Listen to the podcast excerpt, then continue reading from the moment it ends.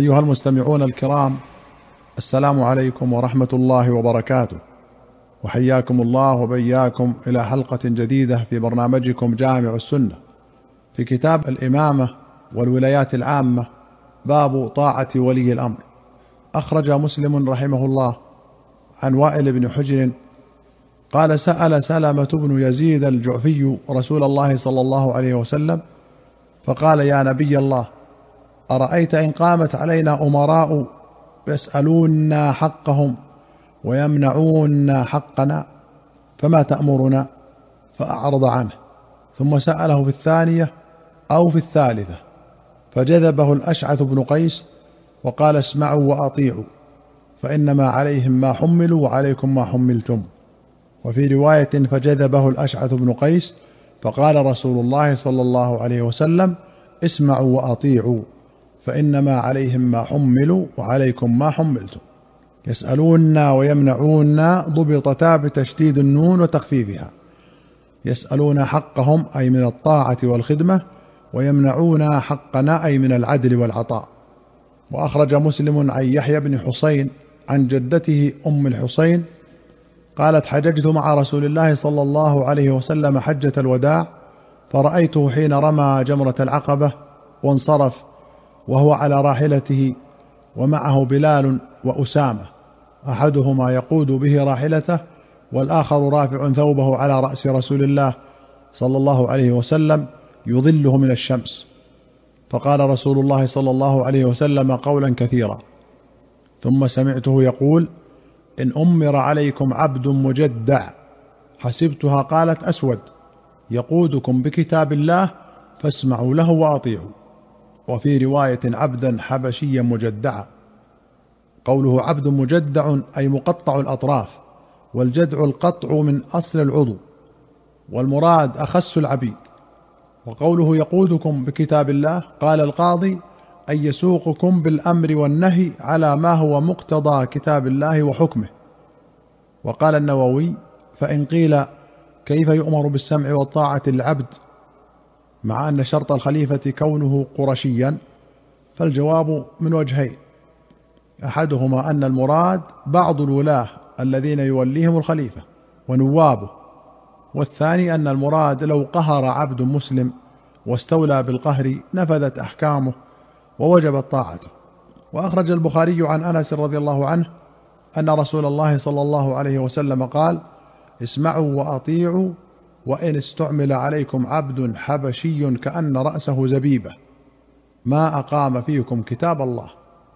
وفي رواية عن أنس أن رسول الله صلى الله عليه وسلم قال لأبي ذر اسمع وأطع ولو لحبشي كأن رأسه زبيبة. شبه رأسه بالزبيبة المعروفة لبشاعة الصورة وعدم الاعتداد بها تاكيدا على وجوب السمع والطاعة في غير معصية الله. وقوله ما أقام فيكم كتاب الله عند ابن الأثير وليست في المطبوع من البخاري ولا عند الحميدي. وأخرج البخاري عن زيد بن وهب قال مررت بالربذة فإذا بأبي ذر. فقلت له ما أنزلك منزلك هذا؟ قال كنت بالشام فاختلفت أنا ومعاوية في هذه الآية والذين يكنزون الذهب والفضة ولا ينفقونها في سبيل الله. فقال معاوية نزلت في أهل الكتاب. فقلت نزلت فينا وفيهم. فكان بيني وبينه في ذلك كلام. فكتب إلى عثمان يشكوني. فكتب إلي عثمان أن اقدم المدينة. فقدمتها. فكثر علي الناس حتى كأنهم لم يروني قبل ذلك. فذكرت ذلك لعثمان. فقال لي إن شئت تنحيت فكنت قريبا. فذاك الذي أنزلني هذا المنزل. ولو أمروا علي حبشيا لسمعت وأطعت. المراد بالشام دمشق. وقوله كثر علي الناس ان يسألونه عن سبب خروجه من الشام. وفيه ملاطفه الأئمة للعلماء والترغيب في الطاعة والتحذير من الشقاق والخروج على الأئمة. وفيه أن الكفار مخاطبون بفروع الشريعة. لاتفاق أبي ذر ومعاوية رضي الله عنهما على أن الآية نزلت في أهل الكتاب. قاله ابن حجر وقال النووي المختار أن الكفار مخاطبون بفروع الشريعة المأمور به والمنهي عنه. هذا قول المحققين والأكثرين. وقيل ليسوا مخاطبين بها. وقيل مخاطبون بالمنهي دون المأمور. والله أعلم. وقد سبق هذا في حديث بعث معاذ إلى اليمن في باب تعريف الإسلام ولوازمه.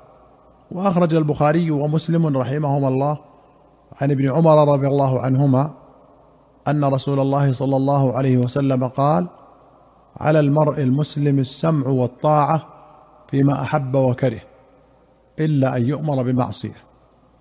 وفي رواية السمع والطاعة حق ما لم يؤمر بالمعصية فإذا أمر بمعصية فلا سمع ولا طاعة. وأخرج مسلم عن أبي هريرة أن رسول الله صلى الله عليه وسلم قال عليك السمع والطاعة في عسرك ويسرك ومنشطك ومكرهك وأثرة عليك. وأخرج الشيخان عن أبي هريرة رضي الله عنه أن النبي صلى الله عليه وسلم قال من أطاعني فقد أطاع الله ومن عصاني فقد عصى الله ومن يطع الأمير فقد أطاعني ومن يعص الأمير فقد عصاني.